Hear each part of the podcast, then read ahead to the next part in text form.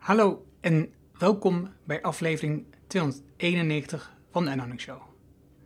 Waar je leert van ondernemers en ondernemende mensen die bijzondere resultaten bereiken, welke beslissingen ze hebben genomen om hier te komen, wat ze doen, de strategie en hoe ze klanten krijgen.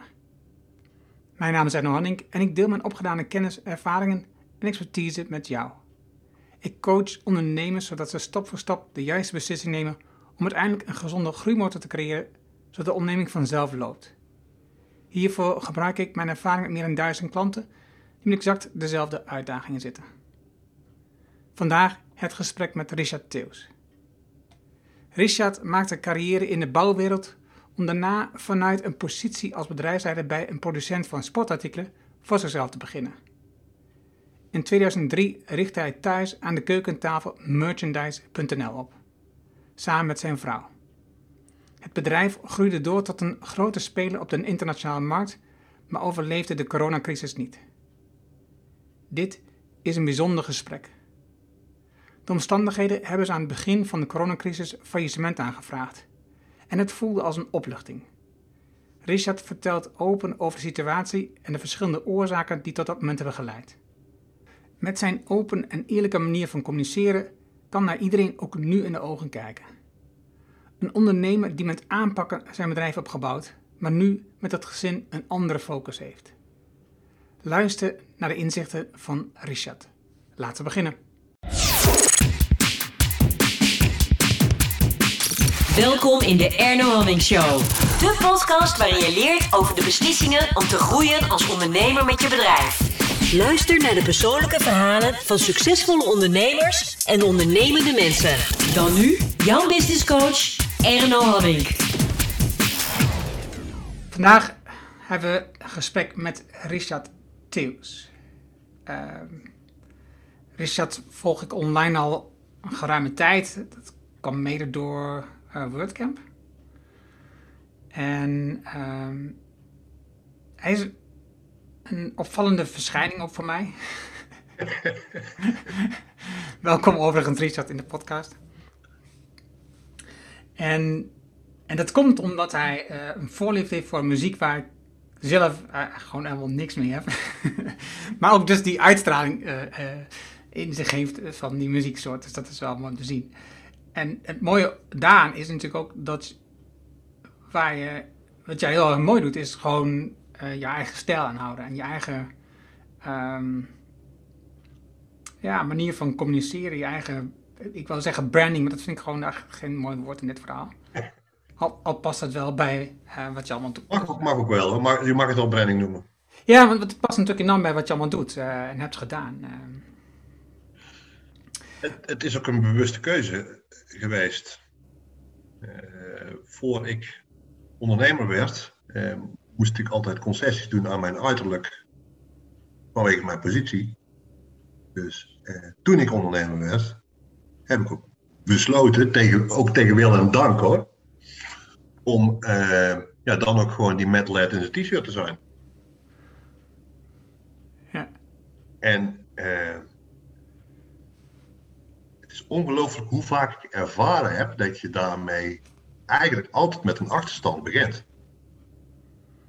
Want kleren maken de man. En, en is, waar, wat doe je dan met die achterstand? Hoe, hoe snel werk je die dan weer weg? Uh, redelijk snel. ja, ja. Ja, um, ja nou ja, het, uh, de kern is dat ik er sowieso niet zo heel veel boodschap aan heb of ik met een voor, uh, voorsprong of een achterstand begin. Hè, dat, dat weet je ook. Hè. ik ben aanwezig en um, ik, ja, ik heb in het leven ook wel ervaren dat dat, ja, dat ik uiteindelijk uh, er toch wel weet uh, te compenseren. Zo. Ja. ja. Oké, okay, uh, ik, ik, ik, wil even een beetje het fundament leggen voor dit gesprek. Um, want normaliter wat ik vaak doe, en ik heb ook je geschiedenis gelezen, zeg maar, ik ga door de geschiedenis van iemand heen om te kijken waar we nu staan. Maar in jouw geval is het wel heel bijzonder, want het gaat van mij uit van waar je nu staat, wat er nu gebeurd is het afgelopen jaar. En er zijn twee elementen die daar een enorme rol in spelen. Ehm, ten eerste ehm, het faillissement van je bedrijf Merchandise ehm, in april. En ten tweede de ongeneeslijke ziekte van je vrouw. We gaan er zo meteen over hebben en alle elementen omheen. Maar ik wil even voor de mensen die nu luisteren die je niet goed kennen, eh, even eh, uitleggen dat dit de basis is van ehm, dit gesprek, het fundament van dit gesprek. En dan snap je ook soms misschien dat het eh, heel lastig is. En, ehm, en ik heb ook van de vooraf nog eens gecheckt of het nog steeds een goed idee is met het gesprek te doen. En dat vond je nog steeds, dus daar ben ik blij mee. Ehm, wat ik. Wat in, wat in je. Wat, ik, wat mij opvalt in jouw uitingen. En eigenlijk zeg je het ook al, is dat het meeste is gewoon heel rauw en eerlijk en um, recht door zee. Het is, dus er is weinig um, reden om te twijfelen aan wat je zegt, laat ik het zo zeggen. Ja, een van mijn vaste uitspraken is: uh, subtiliteit is de zonde van de tijd. Ik heb het nog nooit gehoord. nee, maar uh, we benaderen elkaar gemiddeld altijd met heel veel omwegen en heel veel voorzichtigheid. En uh, ja, dat doe ik wat minder. Ja, nou ja, en, en als je dan kijkt, ook in jouw communicatie die je nu online vindt over uh, jullie faillissement, ook daarin ehm, handel je heel anders dan de meeste mensen. De meeste mensen die hebben vrij intern gevecht. Uh, met de buitenwereld misschien, maar ook met zichzelf en ook met hun gezin en hun familie. En hun medewerkers en leveranciers. En zoveel mogelijk in het geheim en het geniep. En jij niet? Je hebt gewoon gezegd, het, het is gewoon kloten en uh, maar dat is het. Ja, maar um, een, een gemiddeld bedrijf heeft ook een levensduur. En ehm, op het moment dat je voelt dat het einde nabij is, uh, dubbele opmerking op dit moment, maar uh, dat was zakelijk gezien, je, je voelt het. Ehm, dan kun je daar inderdaad ontwijkend over, over gaan doen. en en dat, dat is de periode daarvoor waarschijnlijk wel, wel aanwezig geweest. Maar ehm, ja, volgens mij is het geen schande. En zeker gezien onze situatie, hè, want je schetst net in de introductie dat er uh, twee dingen uh, zijn die op dit moment, uh, of tenminste het afgelopen jaar, met ons, ons leven bepaald hebben, maar het is er maar één. de ziekte van mijn vrouw is alles overstijgend. En dat was ook de meest doorslaggevende reden om direct aan het begin van de coronacrisis te zeggen van, wow, wij gaan zoveel moeten doen om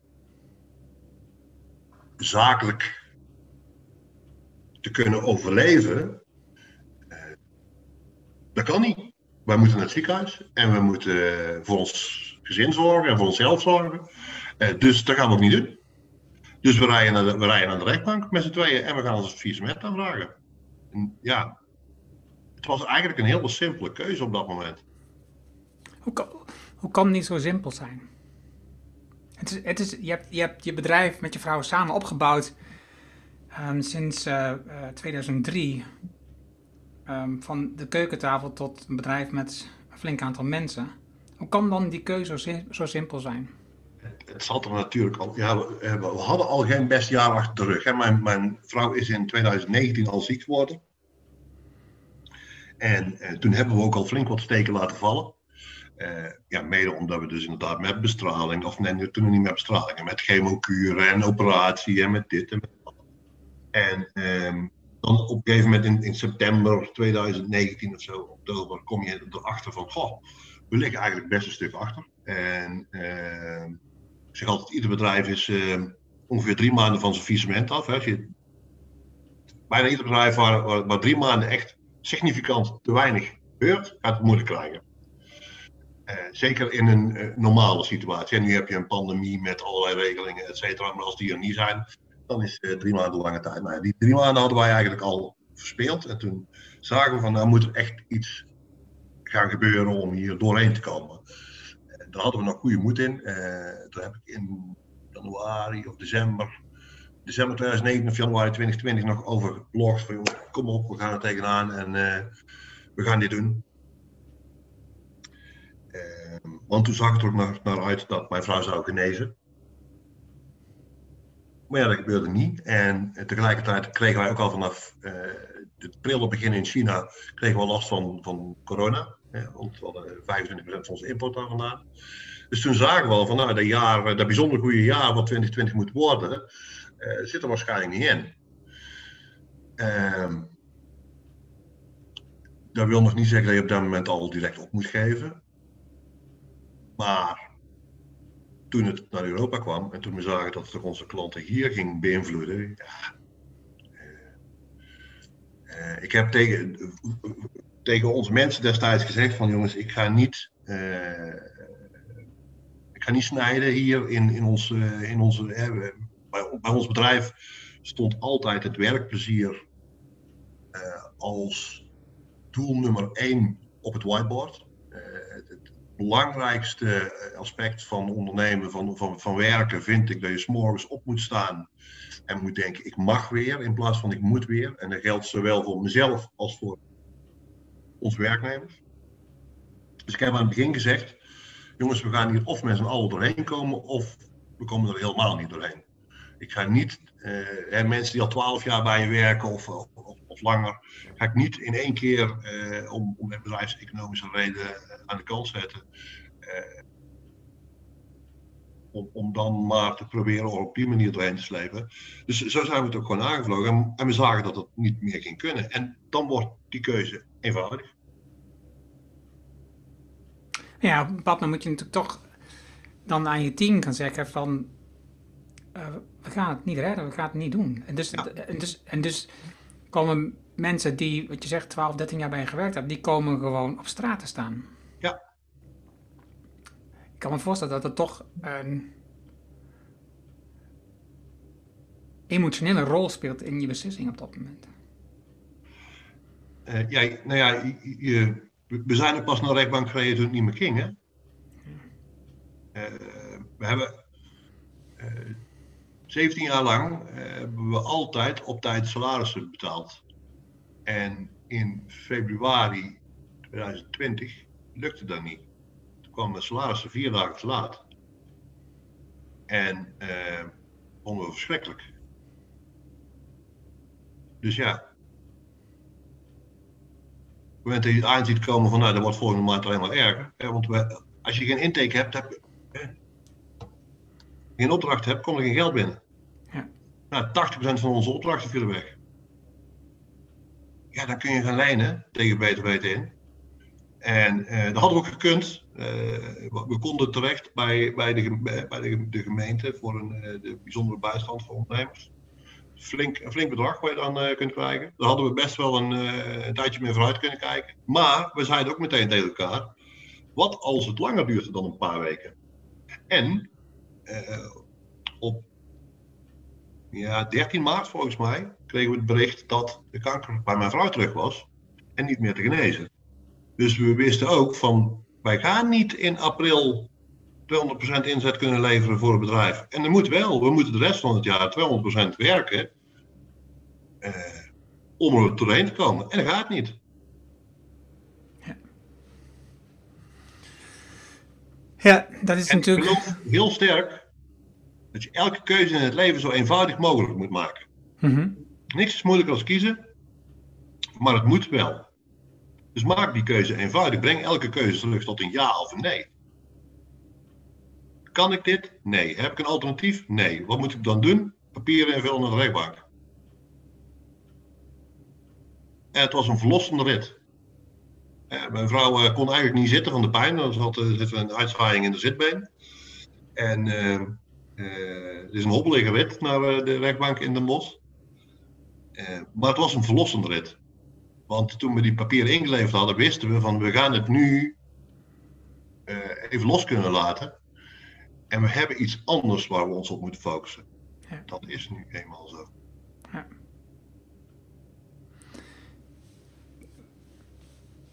Voel je ook ergens nu, uh, of heb je de afgelopen jaar, laat ik het zo zeggen, zo gevoeld dat het toch een soort geluk was dat je ondernemer bent op dat moment? Ja en nee. Ik heb, uh, we hebben de, de, de pech dat we ondernemer zijn in de vorm van uh, uitkeringen en dergelijke, want die hebben we niet. Ook niet voor ziekte, niks. En we waren er nog mee bezig van moeten we dat niet, niet eens een keer regelen, maar die prijzen lagen zo hoog en het eigen risico was zo lang. Het was ook de eerste keer dat mijn vrouw ziek werd, zei ze, had ik nou maar een arbeidsongeschiktheidsverzekering afgesloten als ondernemer. Ehm, maar als we die afgesloten hadden, was het met een half jaar eigen risico geweest, of een half jaar uitstel. En het zag er naar uit dat ze binnen een half jaar op de been zou zijn. Dus we zeiden nog lachend tegen elkaar in januari van nou het is toch maar goed dat we hem niet hebben. Want anders zou je ervoor betalen. En tegen de tijd dat je iets gaat vangen, kun je weer aan het werk. Dus ja, dat soort dingen misten we als ondernemers. En van de andere kant, ja. Eh, ook deze, deze periode zijn we als ondernemers aangevlogen. Dus we hebben gezegd van oké, eh, de situatie is zoals die is. Wat zijn de opties die we hebben? Nou, uh, optie 1, uh, en, nee, niet optie 1 sowieso zijn er verdriet en boosheid, die zijn er sowieso natuurlijk. Hè, bij bij alle, alle enge dingen die je overkomen waar je niks aan kunt veranderen. Maar die zijn er sowieso. Maar ja, gaat dat je leven beheersen, ja, dan is het leven dan nog zinvol. Dus we hebben gezegd, nou, die, de verdriet en die boosheid, die zijn er. We hebben vanmorgen nog een potje die uit met z'n allen hier. Um, maar laten we de rest van de tijd dan toch kijken uh, hoe we het zo leuk mogelijk kunnen maken. En dat lukt ook. Um, En ik weet, ja, ik weet ook niet of het, of het nou iets te maken heeft met ondernemerschap, eigenlijk. is meer ons karakter misschien. Ja, dat zou kunnen. Ik, ik denk, als ik jouw verhalen lees online, dan denk ik in ieder geval dat je ondernemend bent, eh, eh, waardoor je kansen oppakt als ze voorbij komen. En uh, met veel energie uh, daar iets van maakt.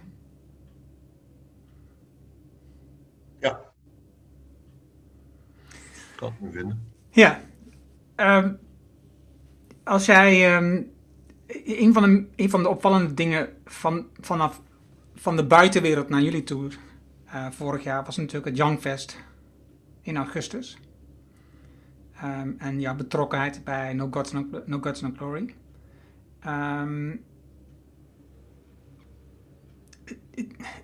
het bijzonder, ik, ik heb dat nu, uh, toen heb ik dat gevolgd, maar nu heb ik dingen over nagelezen. En dan uh, leer je hoe, hoeveel dingen jij al betrokken was voor tijd, wat ik dus niet, uh, wat ik niet had gerealiseerd. Ook over David Brinks, die ik ook ken, daar ook in betrokken, wist ik ook niet. En um, ja, de, de, de liefde van muziek voor jou en je vrouw, die, die, die, die, die druipt van die beelden af. En ook het geluk van... Um, nou, in ieder geval die ene dag met elkaar lol hebben. En, um, en genieten van de muziek. En tegelijk natuurlijk de emotie van alle mensen die er op dat moment ook zijn. Um, ja. Wat, wat, wat doet No Guts No Glory voor jou? Wat betekent dat voor jou? Nou, ze hebben ons de meest bijzondere dag van ons leven bezorgd. En dat is met uh, de geboorte van, uh, van, uh, van, van de kinderen en, en, en huwelijk en, enzovoort. Is dat best wel iets bijzonders om te zeggen, denk ik. Um, en net wat je zegt, muziek is, is, nou, muziek is alles, durf ik wel te zeggen, voor ons gezin. En dat, dat die dag, ja, hè, sowieso No Guts No Glory gelooft ook heel sterk in de kracht van muziek. Dus die proberen mensen ook uh, een moment of een, of een, of een ervaring te, te gunnen waarbij ze door de kracht van muziek even vergeten wat er voor de rest allemaal aan de hand is. Ja, en ja, wij hadden dan de mazzel uh, dat we uit, uh, ja, uit, uit de muziekindustrie komen. Dus dat we ook ja, wel, een wel heel bijzonder, heel bijzondere ervaring mochten genieten. Maar voor die dag was jij al ehm, bestuurslid? En nou, ik, ik, ik was al gestopt als bestuurslid. Precies. Wij zijn eigenlijk, en Augustin Glory bestaat uh, ruim tien jaar. En vanaf het begin zijn wij producent geweest voor hun. Hebben altijd hun merchandising gemaakt. En door de jaren heen hebben we elkaar steeds beter leren kennen. Uh, natuurlijk ehm, deden wij, hè, we, we, hebben van het begin gezegd van jongens, wij kunnen niet gratis voor jullie produceren. Want ja, de, zo werkt het nou helemaal niet. Hè? Als we gratis voor goede doelen gaan werken, ehm, ja, dan, dan, dan kun, kunnen we niet blijven bestaan. Hè? Ja. Zeker als je een eh, bedrijf hebt, nogal in de pixel staat. We kregen ooit op een dag zeven sponsoraanvragen. Kijk, en in, in 2003, 2004, als je de eerste mail binnenkrijgt van een, uh, een, een, stichting die opgericht is door, door de vader van een, van een ziek kind, wie, die, die, niet meer behandeld kan worden en die of nou ALS of welke ziekte dan ook. De eerste mail die binnenkrijgt van sponsoring, die lees je met tranen in je ogen. En je denkt, ja, hier, je mag alles van me hebben. En je maakt geld over. Uh, of je maakt gratis t-shirts of je, whatever. Dat, dat, natuurlijk deed dat. En de tweede mail die binnenkrijgt, denk je, Jezus, ja, ook alweer zo erg. En die wil ik nog helpen. En de derde mail die binnenkrijgt, denk je, ja, die gaat niet meer. Ik kan niet iedereen, iedereen helpen, want dan gaat mijn eigen bedrijf er aan onderdoor. Ja. Uh, en als je dat ook nog meetelt, dan we ook nog uh, legio sponsoraanvragen kregen voor ja, van het dorpsfeest tot het buurtfeest tot, tot de motocrosser die, die wel gratis speelde. Voor. op een gegeven moment gooi je dat wat simpeler in. Maar met Augustin Glory hebben we vanaf het begin aan een hele goede, duidelijke relatie gehad. Jongens, jullie krijgen standaard een leuke korting. En zodat je flinke marge kunt maken. En elke keer als het dan lekker ging bij ons, dan maakten we wel extra. Of verzon iets extra. Dan kreeg ze een keer de 500 sleutelhangers iets om te verkopen om het doel te kunnen laten bestaan. Dus door de jaren heen hebben we elkaar steeds beter leren kennen. En uh, ook in 2019 of zo uh, gingen ze de, de stichting reorganiseren, op een andere manier invullen. En heeft Ellen mij gevraagd of ik in het bestuur wilde. Onder, Sharon was toen al ziek. en ze belde op en ze zei ja. iedereen vond het maar gek dat je echt op dit moment ging bellen, maar ken je goed genoeg om te weten dat je, je heel erg boos zou worden als ik het niet zou doen. Dus ik wil je toch vragen. En ja, toen zag het er bij ons uit van het komt wel weer goed. Dus ik had ook zoiets van, nou, die gaan we gewoon doen. Leuk. Uh, dus ik ben ja, volgens mij, ik oktober of zo 2019 ben ik in het bestuur gegaan. Maar ja, toen we in maart aan te horen kregen van de Scherm is toch uitbehandeld, toen zei ik van, ja, nou wil ik eigenlijk niet meer in het bestuur. Want ik heb nu een ander ding. Ja, ik, ik wil me nu bezighouden met mijn eigen gezin. In plaats van dat ik ja, in deze periode, die toch al niet zo makkelijk zal gaan zijn, mezelf ook nog in moet gaan zetten voor andere mensen in dezelfde situatie. Dus toen ben ik eigenlijk al snel weer teruggetreden. Ja, zij hadden allemaal nog zoiets van, ja, we willen wel iets voor jullie doen. En wij hadden zoiets van, ja, voor ons kun je niet veel doen, want ja, we leven ons leven al heel lang volgens het motto dat we vandaag alles eruit halen wat erin zit, omdat we niet zeker weten wat morgen brengt. Dat doen we echt al heel erg lang. Uh, sinds 2008 om precies te zijn. Toen we een goede vriend verloren. Opnieuw aan die, ernst, aan, aan die, aan die. Waarmee ik op, ja, ik stond met een feestje in, uh, in België.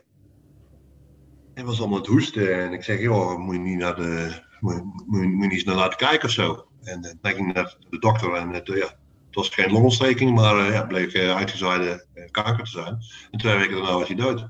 Dus toen hebben wij vanaf dat moment gezegd van oké, als dit kan gebeuren als je 5, 36 bent, moesten we maar eens gaan zorgen dat we, we gaan genieten. Nu, in plaats van 6, 7 dagen per week werken. Dus voor 2008 denk ik dat ik letterlijk min, minimaal 6 dagen per week kantoor zat. Vaak minimaal 10 tot 12 uur. Ja, nou ja, geen probleem, want ik deed mijn liefde en plezier. Ja. Want ik was iets aan het opbouwen en ik vond het ook bijzonder leuk wat ik aan het doen was. En maar daarna heb ik gezegd van, joh, eh, ik wil minstens drie keer per week met de kinderen aan tafel zitten. En eh, ik heb thuis ook werkplek. Als het zo nodig moet, kan ik thuis ook wel doorwerken. Dus toen zijn we het gewoon allemaal iets anders gaan doen. Waardoor we toen Sharon ziek werd ook eigenlijk meteen al konden zeggen van nou, we hebben alles al gedaan wat we hadden willen. We hebben geen bucketlist, we hebben geen... Is er allemaal niet. Alles is gedaan, alles is gezegd. En toen hadden we een feestje, of de mensen een feestje. Ehm, we hadden een, een, vriendin op bezoek. En die zei tegen Sharon, wat zou je nou nog willen? En die zegt, nou, ik baal er zo van dat ik dit jaar nog naar geen één festival ben geweest. Want ik zou zo graag al mijn vrienden nog eens bij elkaar willen zien. En zij zei, dat gaan we regelen. Dus die belde Elle en uh, ja, ze ging aan de slag.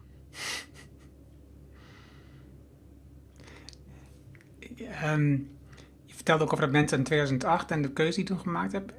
Ik zag ook in een van je verhalen dat je hebt dus zes jaar lang langs de zijlijn bij je zoon op het voetbalveld gestaan op de zaterdag. Ja. En ik kan me voorstellen dat dat was een van die dingen die eruit voortgekomen is. Een bepaald moment je een keuze maakt. Nee, maar dit wil ik gewoon meemaken. Dit is niet wat ik wil missen. Ja. Heel herkenbaar uh, uh, iets voor mij ook. ik heb heel wat jaren langs de voetballijn gestaan. En um, was dat ook een van de redenen waarom je uiteindelijk in het bestuur kwam van de voetbalvereniging ook daardoor? Uh, deels, de, nou, deels denk ik. Um, maar ook deels vanwege, ja, wederom het, het, het, ondernemerschap. Het weten dat je als je iets wil veranderen, dat je het dan ook zelf moet doen. En uh, de, wij wonen in België, uh, het was ook een Belgische voetbalclub. En we hadden op een gegeven moment een vergadering en die daar kwam eigenlijk uit dat ze te weinig, uh, te weinig inzet hadden, eh, of tenminste te weinig bestuursleden hadden, en eigenlijk wat dingen moesten gaan doen en dringend op zoek waren naar mensen die mij wilden helpen. En uh, mijn zoon was geen Romario, om het zo maar te zeggen. maar hij stond wel elke week in het veld. En er werd, het was gewoon een club waar ieder, ieder kind welkom is, of je nou goed of niet kunt voetballen. En dat vond ik heel prettig. Dus ik denk, ja, als jullie zo hard mensen nodig hebben, wil ik mijn best inzetten voor de jeugd. Want een club als deze verdient hulp. Uh, en ja, het was in België, dus elke bestuursvergadering gaat ook gepaard met een, uh, een, een, biertje hier en daar. uh, dus ik denk, ja, kan ik wel in het bestuur gaan, leuk. Ja. ja, ik snap dat wel. Ik heb dat ook gedaan. Maar ik ben niet zo van die biertjes. Het voor mij was dat, was, dat was voor mij uiteindelijk de afhaken. Want het, bij voetbal is dat, is dat een onderdeel van het voetbal gewoon. Dus de derde helft is heel gebruikelijk. En zelfs voor bestuursvergadering was dat exact hetzelfde. Je had de bestuursvergadering, dat ging naar de kantine. En dan was het eerste daar en dan ging je met hem meedrinken. Ja. En dat is echt niks voor mij. Dus uh, dat was uiteindelijk wel de reden dat ik na een, een periode van drie jaar was afgehaakt uiteindelijk. Ja. Um, en dat is niet erg. Ik, bedoel, ik, ik, ik, heb voor mijn gevoel heb ik ingezet um, als vrijwilliger voor de vereniging. Omdat mijn zoon naar voetbalde en mijn dochter voetbalde nog steeds. En ja, ik vind ook dat je, hè, zoals als ze tekort hebben, ze komen achter dat je mensen nodig hebt. Dat je gewoon niet kunt, altijd maar kunt zeggen van, ja, dat, is, dat moet een ander maar doen. Daar heb ik niet zo zin in. Ja, nou dat dus. Um, je, je, je bent een opmerkelijk ondernemer, zoals ik heb gezegd. Je hebt in, in 2019 9 10 um, de prijs van van meest creatieve ondernemer van Nederland in de ZIP Business Challenge. Ja. Dat, dat zegt ook iets hè, over hoe jij te werk gaat, hoe je um, tekeer gaat. Want tekeer gaan, dan denk ik aan uh, Cor de scheidende schoolextra. dat is al een trending topic was je man. Ja, het is gewoon uh, een dingetje. Ja. Uh, het, het grappige is, uh, ik had natuurlijk merchandise.nl. Wij maakten t-shirts voor bands. En ik heb zelf het uiterlijk van een, ja, een metalhead. Dus iedereen denkt al heel lang van mij dat ik een textieldrukker ben. Maar dat ben ik helemaal niet. Ik ben programmeur, marketeer, verkoper. Het, toen ik mijn bedrijf begon, ken ik het verschil tussen katoen en polyester niet. Het is wel iets van drukken, omdat ik in 1993 de Veronica Gids nog heb gemaakt in Amsterdam. Als uh, uh, uh, op kantoor. Ja.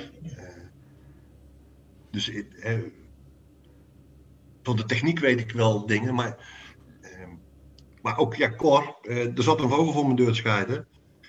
Ik ben nog fanatiek twitteraar, dat weet je. Uh, dus ik denk, ja, daar gooi ik op Twitter. En uh, ik weet ook hoe, een klein beetje hoe Twitter werkt. Dus toen ik merkte dat het aan begon te slaan, heb ik ook natuurlijk gevoerd. Eh, in het hele verhaal komt naar voren dat onze stagiair de stront op moest ruimen. Nou, mijn vrouw vervloekt me er nog steeds om, want er is maar één keer geweest dat de stagiair de, de stront opgeruimd heeft. En dat was toen de Telegraaf kwam filmen. Want de rest van de tijd deden wij het. Maar het staat natuurlijk veel leuker op internet als je zegt van we hebben het er. Dus ja, het is uh, zoals, uh, zoals veel dingen die je ziet, was de mengeling tussen wat er echt aan de hand was en uh, ja, wat leuk is om erbij te vertellen. Ja, ja. dit is wel lachen. Ja. Het, het zijn, dit soort dingen, dat is toch um, waarom ik denk van ja, dat, is, dat zijn wel de dingen waarom jij opvalt, waarom je in, in het oog springt, waarom je telkens weer in de picture komt. Um, wat, wat in mijn optiek dus gewoon slim en goed is. En je zegt het al, je was programmeur en, en marketeer en verkoper. Um, dat, dat, is, dat is echt jouw kracht wanneer merchandise groot is geworden? Um, ja, ik denk het wel. Ik denk het wel. Dat en het, het hebben van uh, hele fijne, slimme, goede vrienden die uh, op de juiste plekken. uh, ik had het geluk dat in 2006 uh, Roy Huiskes tegen me zei: Je moet eens met de WordPress aan de slag gaan. Ehm, die me daarvoor al tips gaf over SEO. Ehm, ehm, en Roy was dan een collega van Joost de Valk, waardoor ik met die jongens allemaal een biertje ging drinken en elkaar leren kennen. En ik had de mazzel dat als zij zeiden: Je moet hier eens naar kijken, dan keek ik er naar, maar ik deed er ook iets mee. Dus uh, als, ik hoefde dan niet te zeggen van, goh, leuk dat je het heeft verteld, maar kun je het ook voor me doen? Maar ze vertelde het en ik deed het zelf. Uh, dus ik leerde uh, zelf allerlei methodes om te zorgen dat wij beter zichtbaar werden in zoekmachines en beter gevonden werden op de juiste zoektermen. al lang voor anderen dat deden. Want de meeste van mijn collega's destijds waren wel textieldrukker. En uh, die hadden dan een website omdat het moet. Maar wij hadden een website. Uh, en we begonnen ook wel samen met vriend van me die ons, ons drukwerk deed. Dus we hadden ook een textieldrukkerij zelf erbij. maar bij ons was de website het uitgangspunt en de basis. Dus wij waren continu bezig met het verbeteren van die website. Terwijl de rest, die hadden die website er gewoon bij en lieten ze door iemand bouwen. En wij deden zelf. Op een gegeven moment, ik, ik kwam het laatst nog tegen op, op Facebook. Op een gegeven moment hadden we 24 websites online. Uh, en toen postte ik op Facebook van, uh, ik tel net onze 24e website. Uh, en toch zeg ik nog steeds dat we geen internetbedrijf zijn. We zaten er een beetje tussenin. We zaten in een markt waar niet heel veel internetbedrijven nog actief waren. Want dat is de afgelopen jaren wel anders geworden. En, wij zagen ook wel aankomen dat onze, eh, onze branche zeg maar, de volgende was die overgenomen werd door grote internetpartijen. En daar zijn we ook de laatste jaren vooral bezig geweest met kijken, kunnen we aansluiten bij een grotere partij of kunnen we kleinere partijen overnemen in plaats van proberen organisch door te groeien. Maar ja, zeker in de beginjaren hebben we daar wel eens grote verschil in gemaakt. En gewoon internet, investeren, groeien, eh, zoeken naar methodes. Ja, wat je zegt, we hebben elkaar op WordCamp leren kennen. Eh, nou waren niet veel uh, textieldrukkers of uh, merchandisebedrijven. Nee, nee. Maar dat is, dat was denk ik met veel bedrijven zo in die tijd toen, begintijd met WordPress. Uh, de mensen die op die WordCamps waren, dat waren, dat waren gewoon, of het, waren, of het waren de programmeurs, of het waren websitebouwers die gewoon enthousiast waren. Of het waren ondernemers die zelf gewoon knutselden aan een eigen website. En omdat niemand anders het kon.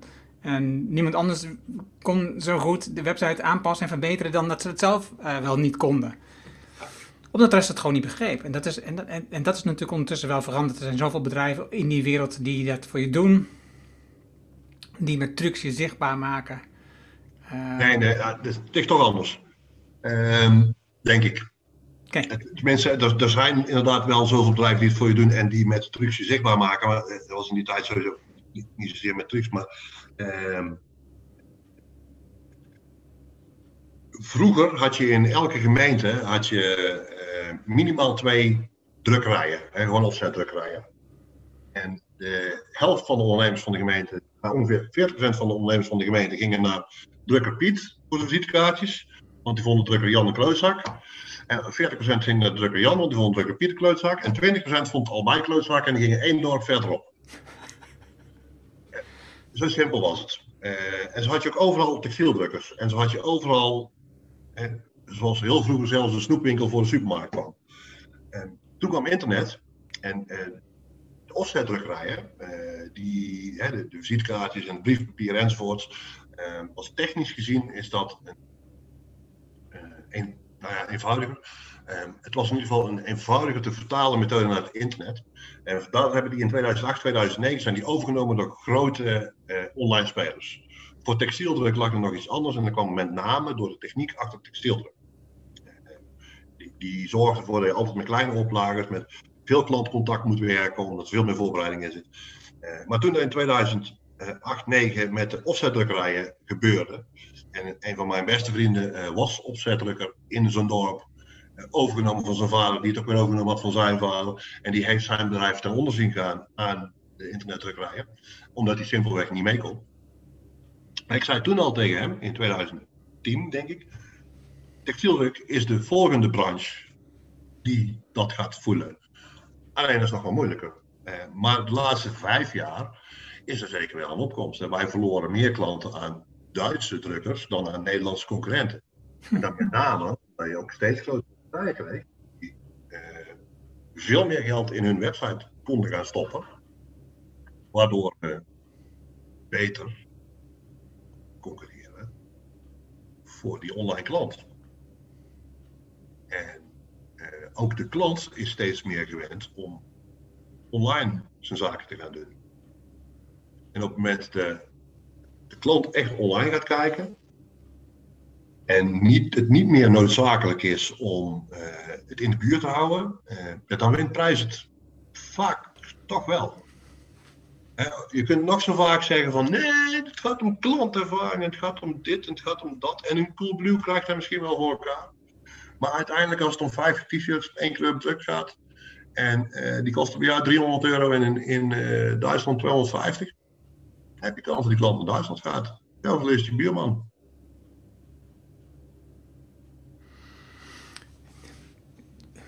Zie, wat zie je dan voor rol voor die um, tussenpartijen zoals um, Druxo of uh, Print.com of um, en dit soort partijen. Print.com is geen tussenpartij. Nou, het zijn vorige bedrijven, wat was hier een aantal? Drukwerkdeal. Ja, drukwerkdeal. Dat is ook geen tussenbedrijf, hè? Niet? Nee. Oh, dat dacht ik. Nee, druk ook zelf. Oké. Okay. Maar zie, zie je dat als een, ook als een soort opkomst in die markt dan? Dat er zo... Zeker, zeker, zeker. Was toen al. Alleen toen waren zij nog niet eh, capabel om, om, of tenminste, was het voor hen nog niet interessant om naar textieldruk te gaan kijken. Uh, Print.com heeft zelf, eh, ik ben daarmee gaan praten eh, toen zij eh, in de opbouwfase zaten, eh, om voor hun textieldrukwerk te gaan doen. En eigenlijk was hun boodschap heel duidelijk uh, we willen de snelste levertijd van Europa uh, tegen de laagste prijs van Europa. En uh, ik zeg, ja, je mag één van de twee kiezen. Ik zeg, want ik snel moet leveren, dan moet ik in Nederland produceren. en dat kan, maar dan ben ik niet de goedkoopste. Als ik goedkoop moet produceren, dan produceer ik in, in, in Bulgarije of in Roemenië. want daar hebben we textieldrukkerijen. maar ik kan niet altijd gelijk. En zo heeft Print.com een aantal partijen uitgenodigd. En uiteindelijk hebben ze zelf in Nederland maar een textieldrukkerij gekocht. Want dan gaan we het zelf wel doen. En dat kunnen ze, gaan ze ook kunnen. Hè? Uh, want zij zijn. Zij hebben die mindset van het enige wat we moeten doen is uh, precies uitrekenen wat het ons kost om een t-shirt te maken. En dan kunnen we daar een marge op zetten. die heel laag is. maar in ieder geval altijd in de plus zit. En dan gaan we winst maken. En er kan bijna geen enkele andere textieldrukkerij kan dat. omdat ze niet het volume hebben om die lage marge te rechtvaardigen.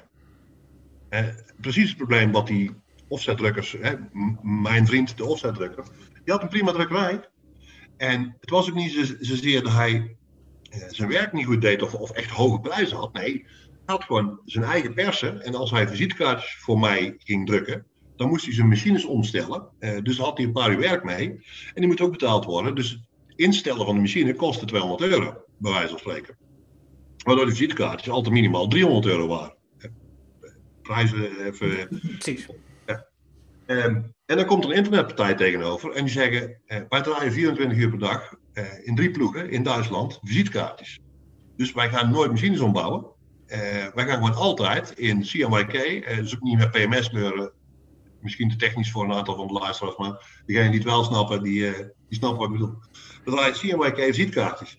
En dan krijg je ineens een drukkerij die visitekaartjes kan drukken voor 25 euro per 500 stuks. Terwijl die bij elke drukker op de hoek ja, 150, 200, 300 moeten kosten, omdat ze het niet goedkoper kunnen produceren. Ja. Ja, dat is natuurlijk, dat is natuurlijk ingewikkeld. Hoe je dat dan, hoe je dat dan oplost. Hè? Nou, dat los je niet op. Nee.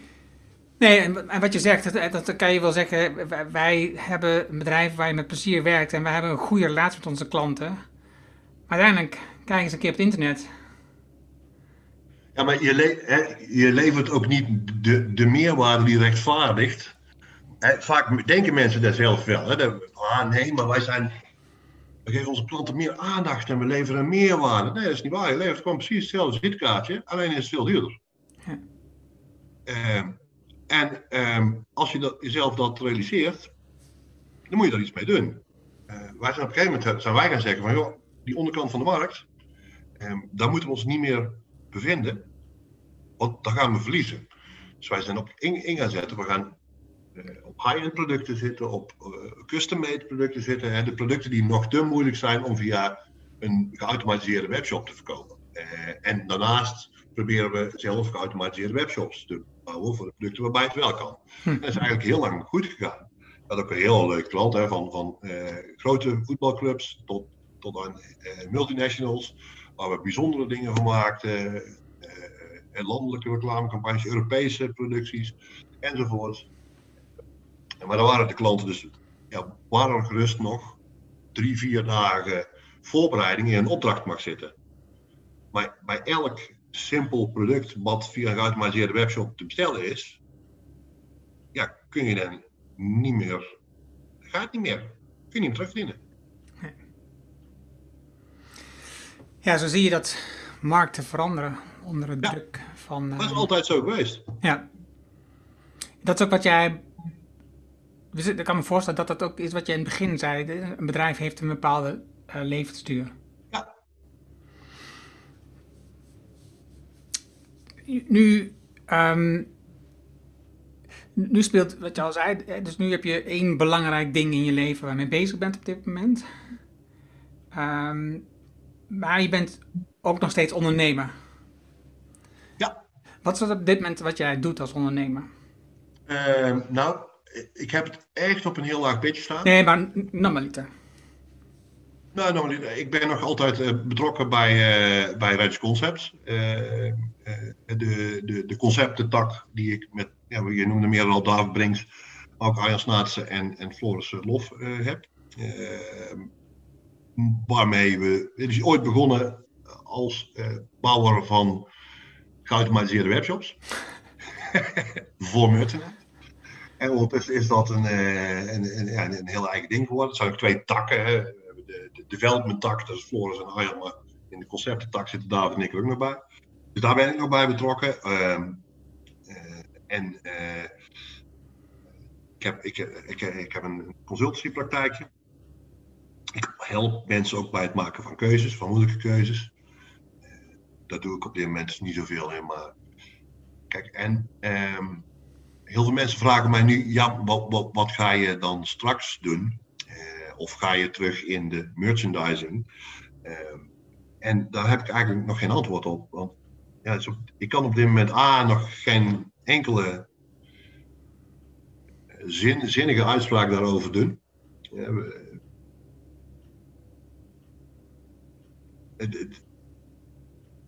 Komende tijd is nog, eh, die heb ik echt thuis nog nodig. Weet wel, ik, ik ga in ieder geval niet terug zelf proberen een bedrijf op te starten zoals, eh, eh, eh, zoals ik vorig jaar heb moeten laten gaan. Simpelweg omdat de, de levensduur van dat soort bedrijven, die is voorbij. Dus dat gaat hem sowieso niet worden. Ja, dat heb je net helemaal geschetst. Ja. ja. Ja, zou, zou wel zijn. Hè? Ja.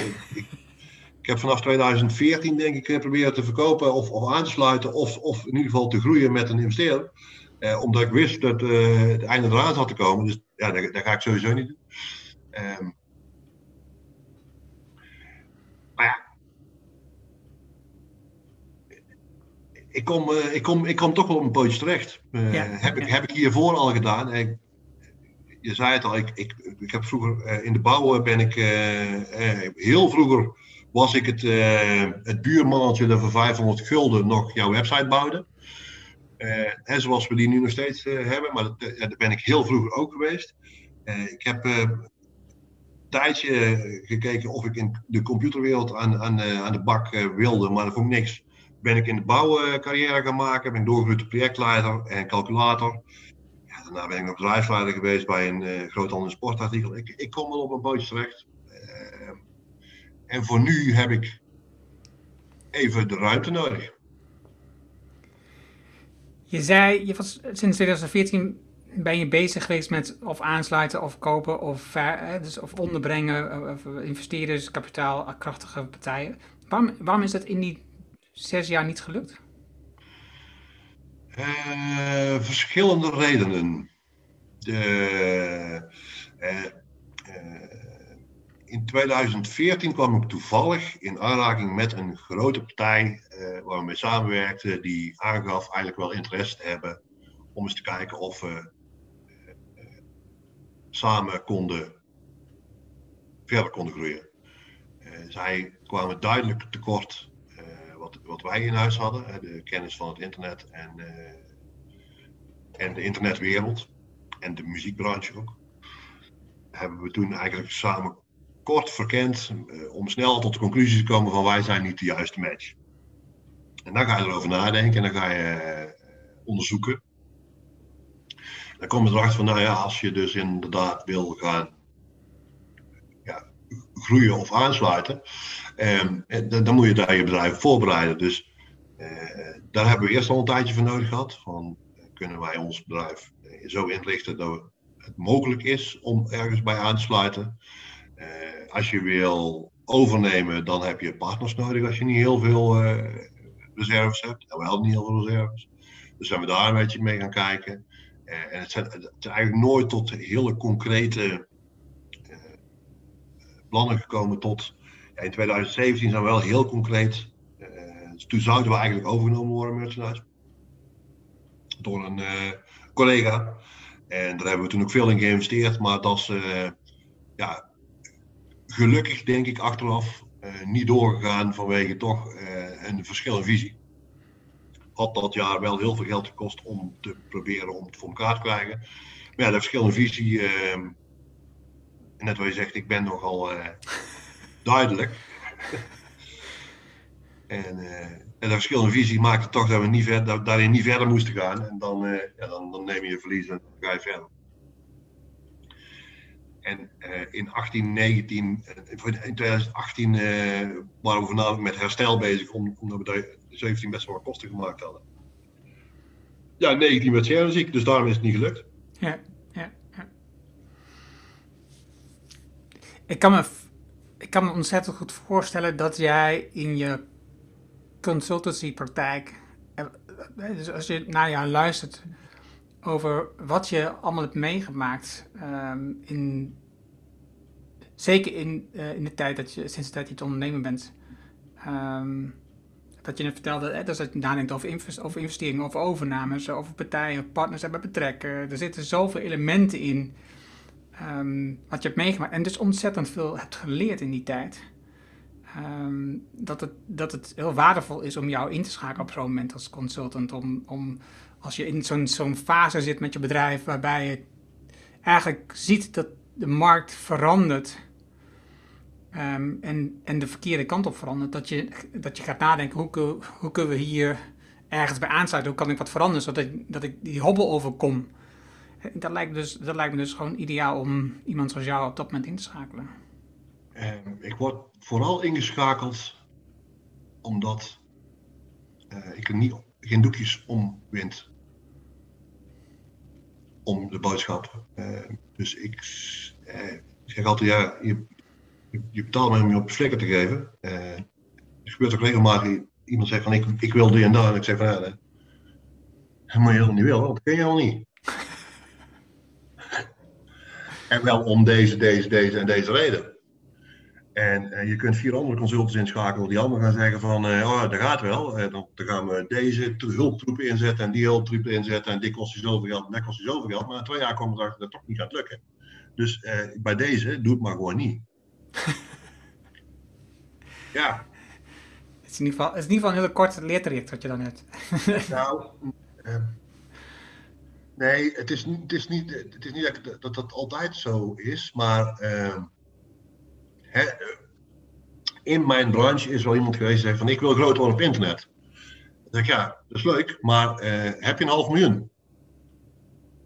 Ja, hoezo? Ik zeg, nou ja, eerst moet je als een website gaan bouwen die tussen de, de 150 en de 250.000 euro gaat kosten. En dan ga je drie mensen op moeten zetten die er fulltime mee bezig zijn. Ja, maar ik heb ook een webdeveloper die zegt het voor 10.000 euro te kunnen. Ja, ja, ja, jij en ik weten, dat gaat niet. Ja. Hè, zoals eh, menig webdeveloper nou zal zitten te knikken. Als ik zeg dat hij weer, weer een klant aanklopt die zegt van ik wil eigenlijk net zoiets als bol.com en ik heb een budget van 5000 euro. Ja. En diegene die dan zegt, dat ga ik voor je realiseren, dat moet je niet zijn. Want dat gaat hij niet realiseren. Nee. Nee, die naait je gewoon een oor aan. Nou, misschien ook nog niet zozeer. Nou, in zoverre dat hij, dat hij gewoon niet zoals jij recht voor zijn raap is en niet gewoon eerlijk zegt dat het gewoon niet gaat. Ondanks dat hij zelf misschien wat gevoel heeft ehm, dat het niet zou gaan, maar het toch gaat proberen. Dus die heeft gewoon te weinig kennis en inzicht in het geheel om dat gewoon op te lossen, om dat goed op te pakken. In veel gevallen is het ook gewoon een, een, eh, een, niet, niet zozeer eh, gewoon niet voldoende kennis hebben. Eh, daar straks zei je ook, er zijn tegenwoordig heel veel bedrijven die helpen met, eh, met zoekmachines enzovoort. Dat klopt, want SEO is een vrij beroep en iedereen kan zichzelf SEO noemen. Eh, maar er is een enorm verschil eh, tussen het bureautje dat jou belt of je hoger in Google wil komen. Of de groep aan top SEO's die de mensen trainen bij grote verzekeringsmaatschappijen en bij de, grote supermarkten. eh, om eh, ja, beter online zichtbaar te zijn. Eh, alleen het is vrij beroep. Eh, als je naar een, als het goed is, naar een huisarts gaat, is er niet zoveel verschil tussen de huisarts in dorp A of dorp B. Maar als je naar een webdeveloper gaat, er zijn, ik ben op WordCamps wel mensen tegengekomen die eh, niet konden programmeren en niet konden ontwerpen, maar zichzelf wel webdeveloper noemden. Waarom? Ze konden een WordPress installeren eh, en die opleveren met een thema dat ze ergens kochten op het internet. En die noemden zichzelf webdeveloper. Eh, en daar zijn ze ook. Kort de bocht, daar zijn ze ook. Alleen ze zijn niet van hetzelfde niveau als een grote partij die dus inderdaad achter die hele grote shops zit. Maar sommigen weten het zelf niet eens, dat ze niet zo goed zijn. Die zien het verschil niet. Ja. Het Dunning-Kruger effect. eh, hebben niet voldoende kennis om te beseffen dat ze helemaal niet zo goed zijn in wat ze doen, wat ze verkopen. En dat geeft ook niks, want het is vooral bij een markt. ja. Ja. Ehm, maar die ondernemer, die zelf nog veel minder verstand heeft van, van, van, van de, het internet. Een vriend van me, die is eh, hypotheekadviseur. En die zei op een gegeven moment, Ries, ik wil eigenlijk eh, gaan adverteren in Google. Ik zeg, nou, doe me niet.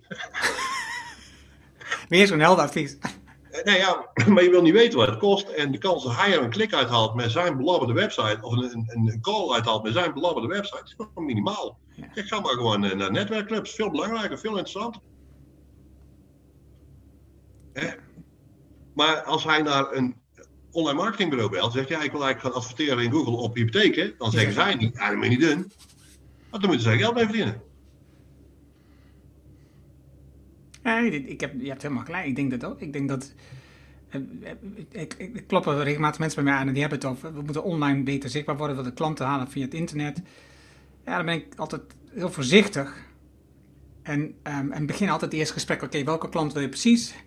En heel vaak komt erop uit. Oké, ik denk dat de beste weg is die jij kan doen, is gewoon je netwerk uitbreiden, mensen bellen, stevig contact halen met die mensen. En dan af en toe eens een keer vragen hoe het met hun gaat en zeggen wat jij, ehm, wat jij eigenlijk aan het doen bent. En, dan, en als je dat gewoon met een goede regelmaat doet, krijg je gewoon klanten. Ja, maar met internet, dan gaat gewoon die mensen die komen en dat gaat gewoon snel. Nou, dat is echt niet waar. Het is gewoon, het is, ja, het is gewoon een illusie. Ja, ja en, en nog steeds heel veel mensen ja, weten dat niet. En een slimme online marketeer die, die post is op, op Twitter de vier D's van marketing. En we vroegen altijd over de zes P's of de zeven P's. Het over de vier D's van marketing. Ken je ze? Nee. Doelgroep, doelgroep, doelgroep en doelgroep. Eh, het, het enige wat belangrijk is, is, is wat is jouw de doelgroep waar jij mee kunt scoren? En in heel, net wat je zegt, heel veel gevallen is het, zijn helemaal niet klanten op het internet. En als je je doelgroep goed in kaart hebt, dan kun jij goed bepalen waar je de doelgroep kunt bereiken voor eh, ja, eventueel het budget waar je daarvoor beschikbaar hebt. Ja. Maar het begint wel bij de doelgroep. Ja, ik wil een, ik wil een eh, pagina op Facebook voor mijn bedrijf. En waarom? Ja, Ja, nee, dat komt wel. want Iedereen moet. En nu is het natuurlijk een nieuwe bandwagon. Dat is. eh, hoe heet het ook alweer? Een nieuwe platform? Clubhouse. Clubhouse. Ja, precies. Nee, dan moet je echt. Zeiden ze tegen mij. Dan moet je echt op. Dan moet je echt op. Dat is mijn audio. Je bent ook van de podcast. Mijn audio. Dat is echt. Dan moet je op. Flikker nou op. Ik weet gewoon wat mijn doelen zijn. Ik weet wie ik wil bereiken. Die zitten daar echt niet op dit moment. Het is gewoon totale onzin. Ja, nee, ja, klopt. Eh, ik, eh, soms wel, soms niet. Eh, vroeger, dat is al, lang anders geworden, maar ik, ik heb op heel veel platforms heb ik de username at merchandise. Omdat eh, een paar van mijn vrienden early adopters zijn en altijd steeds zeiden van Ries, Twitter, daar moet je eens naar kijken. Hup, registreren. Instagram, hup, registreren. Dus ehm, een aantal daarvan hebben toch echt wel een heel groot verschil gemaakt. Nu ben ik net als jij, eh, ik heb al Clubhouse natuurlijk. Ik heb er één keer naar gekeken en of ik iets mee ga doen, weet ik niet. Ben ik op dit moment ook niet zo onderzoekend als ik normaal ben. Maar goed, dat, dan nog, die tips, ik luister er nog altijd naar. Want het kan zomaar zijn dat dit nieuwe platform wel het verschil gaat maken. Oh ja, ik luister ook naar, eh, maar ik luister ook wat, eh, hoe het werkt. En dus ehm, eh, ik heb op, op, weet niet hoeveel platforms de, de gebruikersnaam Erno Hanning geclaimd. Ook omdat ik altijd ehm, ja, in die voorhoede aanwezig was. Altijd vanuit Twitter en kleine netwerken hoorde, oh, dit is waar we nu mee bezig zijn. Weet je, ehm, Ah, maar de, de gebruikersnaam Erno Hanning zul je iets minder. eh, Dat was eh, iets- iets- iets concurrentie makkelijker dan merchandise. merchandise. maar dan nog, dan nog, dan nog. Ik was net als jij, ik was er ook altijd vroeg bij. Ehm, maar ondertussen heb ik mijn Facebook-account gesloten. Ehm, heb ik alle pagina's weggehaald, alle groep weggehaald. Ik heb mijn Instagram-account gesloten. Gewoon puur omdat mijn klant daar niet zit. Eh, eh, eh, zeker niet vanuit zakelijk opzicht. En eh, ten tweede, ik verdoe er gewoon een heleboel tijd. Zonder meer tijd. Kun je beter lekker, lekker eh, eten met, met, met je gezin. Precies. Ja. Zeg ik ook zo vaak tegen mensen, ja, ik snap dat je die Facebook wil hebben en ik snap eh, ehm, eh, reclamebureaus die voor de overheid werken. Ehm, wat denk je dat die als eerste doen als ze een nieuwe opdracht binnengesleept hebben? Facebook-pagina maken. Nee, de abris op het Binnenhof eh, eh, volhangen met die campagne. Want als de ministers zien, hier hangt onze campagne, dan denken ze, oh, ik ben goed bezig. Eh, de, de, de kern van, van heel veel reclame en marketing is vooral je klant het gevoel geven dat ze goed bezig zijn. Als mensen hun eigen reclame zien, denken ze, oh, wat gaaf. En dat klopt ook, is ook gaaf. En maar of het effect heeft, ja, dan meet je pas een stukje verderop. Ja. Van binnen weet ik niet, maar ik weet ook dat dat zo werkt. Als je bij een bedrijf dat doet, dan moet je in ieder geval zorgen dat je de abris inkoopt rondom het bedrijf. Zodat de mensen die van het bedrijf zijn, ook zeker de directeur, eigenaar, dat soort mensen, eh, dat, die, dat die hun advertentie vaak zien. En Ja. precies voor dat gevoel wat je net beschrijft. ehm, zonde van je geld. Ehm, je, je, je hebt ook nog, dat wil ik ook zeker niet vergeten, ehm, een heel gaaf groot lokaal evenement georganiseerd. Ja. Als je, Ja. op, je op jouw profiel komt op eh, LinkedIn is het volgens mij, hè, dan zie je ook nog boven die foto eh, in, in je profiel bovenin met die tenten. Ehm, hoe, hoe kwam dat zo? Waarom, waarom doe je zoiets? Ehm, ik ging op een gegeven moment naar een beurs die eh, een naam had alsof ze een regionaal evenement waren. En ik liep daar rond. En, eh, Is dat in- Nederland of België? In Nederland. In, in Zuidoost-Brabant loop ik op een beurs eh, rond die bedoeld is voor regionale ondernemers. En ik zag overal eh, ja, bedrijven uit de Randstad, bedrijven uit Groningen, bedrijven, uit- in- internationale bedrijven. Zag ik zich daar profileren als zijnde de partij waar jij terecht kunt. En ik had zoiets van, ja, ja, ik snap het eigenlijk wel. Want het businessmodel van deze beursorganisator is om overal deze beurs neer te zetten. Dus het is handiger voor hem om een partij, een, een deal aan te gaan met een partij die op alle beurzen in heel Nederland wil gaan staan, dan lokaal. Eh, maar ja, dan is het geen lokale beurs. En eh, ja, ook hier lokaal ben ik betrokken bij de ondernemersvereniging, bij drie verschillende ondernemersverenigingen. Want ja, ik ben nou helemaal graag bezig. En ik had er met eh, twee van mijn maten over van, goh, zouden wij dat eens niet moeten doen? Een beurs organiseren, maar dan ook wel echt 100% lokaal. Dus alleen maar voor, door en met ondernemers uit de camper. Ehm, dat betekende onder andere eh, dat we dan, als we een tent gingen bouwen, dat er een festivaltent zou moeten worden. Want in Bladel hebben wij een tentenbouwer die voor festivals werkt.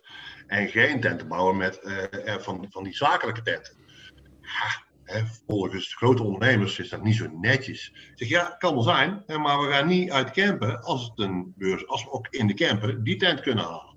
Dus we hadden echt een beurs georganiseerd alleen maar voor, door en met ondernemers uit de regio.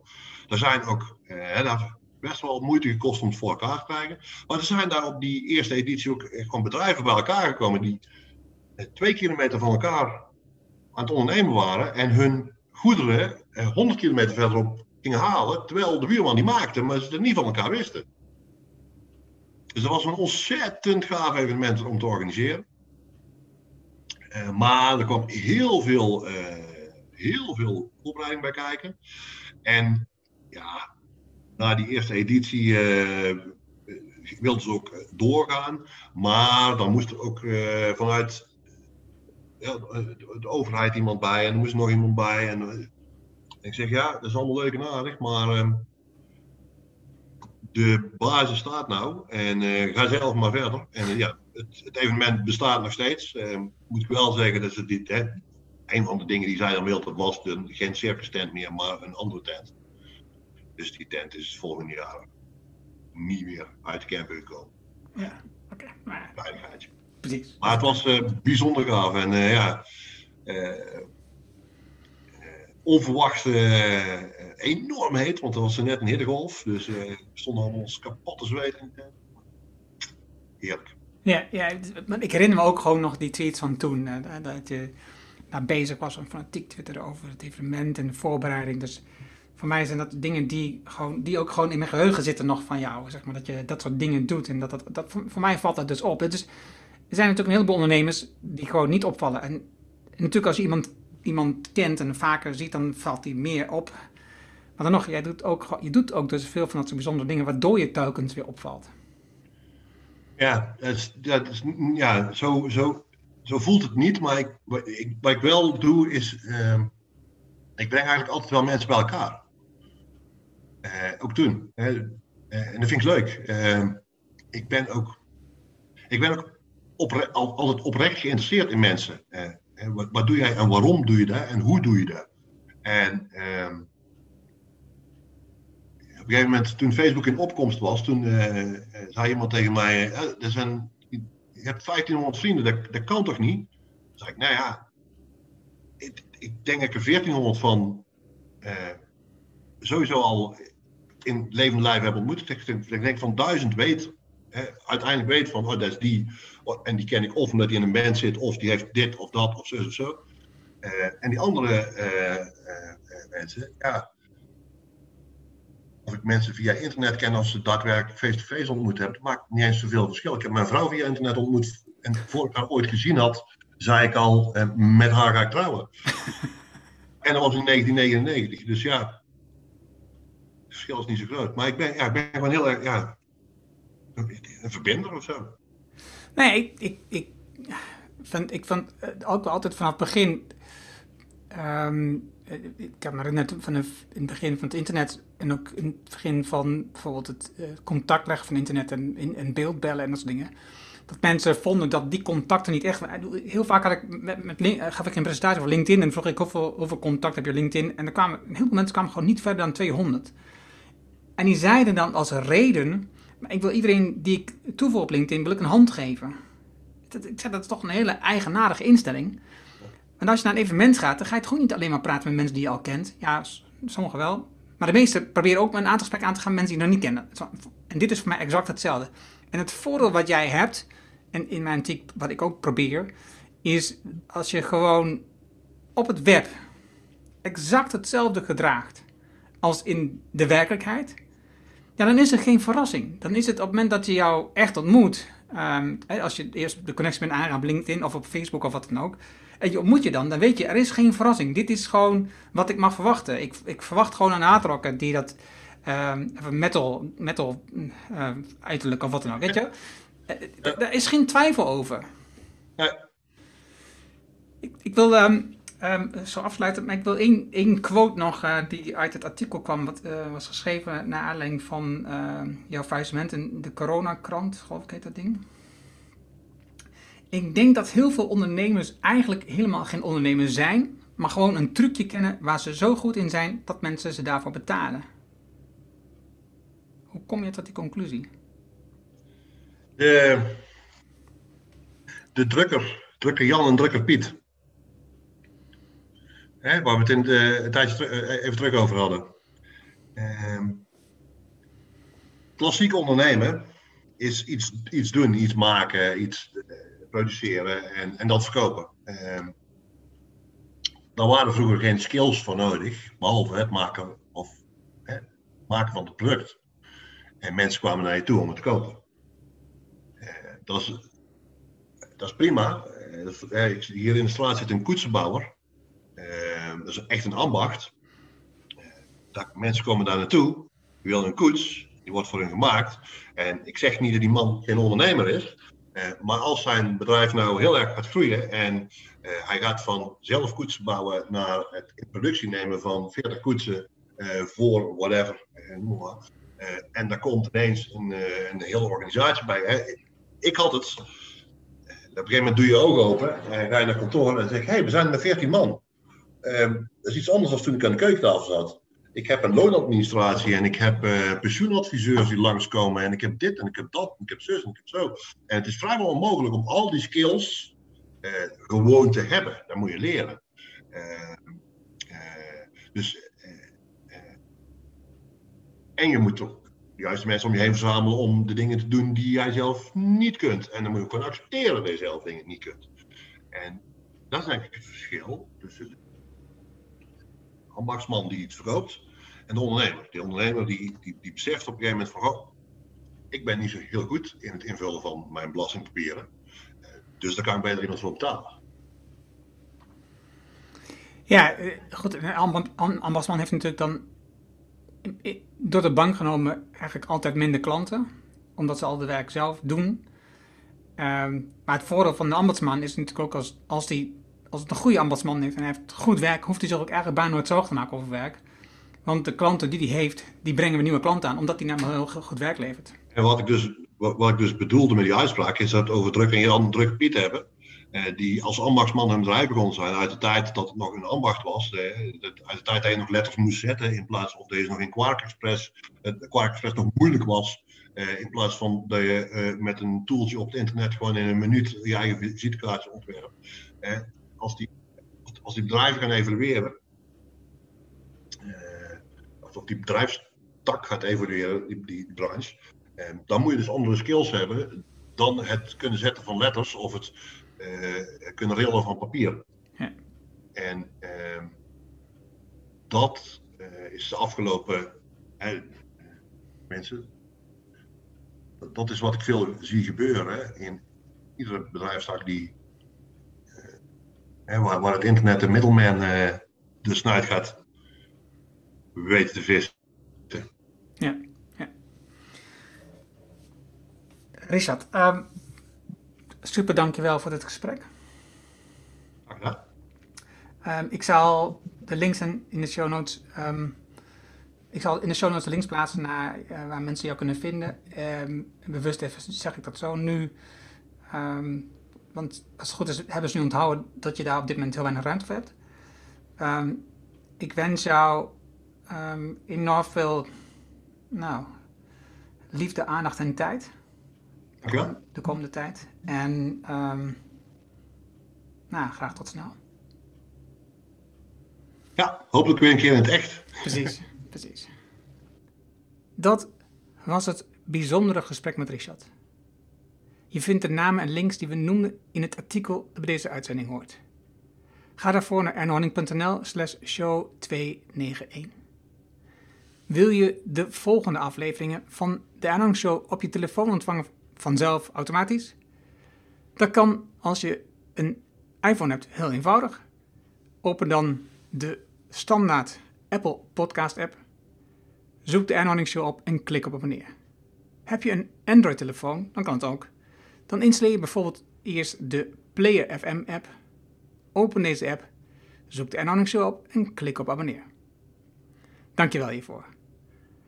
Heb je vragen, opmerkingen, reacties over deze aflevering met Richard of over de podcast in het algemeen? Stuur dan een e-mail naar podcast.ernhorning.nl Ik hoor ook nu weer graag van jou. Wil je leren hoe je meer uit je team haalt door meer aan ze over te laten? Wil je leren welke hardnekkige gewoontes je tegenhouden om te groeien? Wil je weten wat het juiste moment is voor een beslissing? Vraag dan het boek Betere Beslissingen voor een Beter Team aan op ernhorning.nl. Dit is mijn nieuwste boek en je downloadt het daarom nu helemaal gratis. Je hebt zelfs geen e-mailadres nodig. Er is ook een Kindle en EPUB versie. Wil je de papieren versie van het boek? Dat kan ook. Je betaalt dan alleen de verzendkosten. Het boekje, omdat het het nieuwste is, krijg je nu gratis. Vraag het daarom nu aan op ernhorning.nl. En ik weet, je hebt een volle agenda. Je leest dit boekje in één avond uit. Dankjewel voor het luisteren en graag tot de volgende.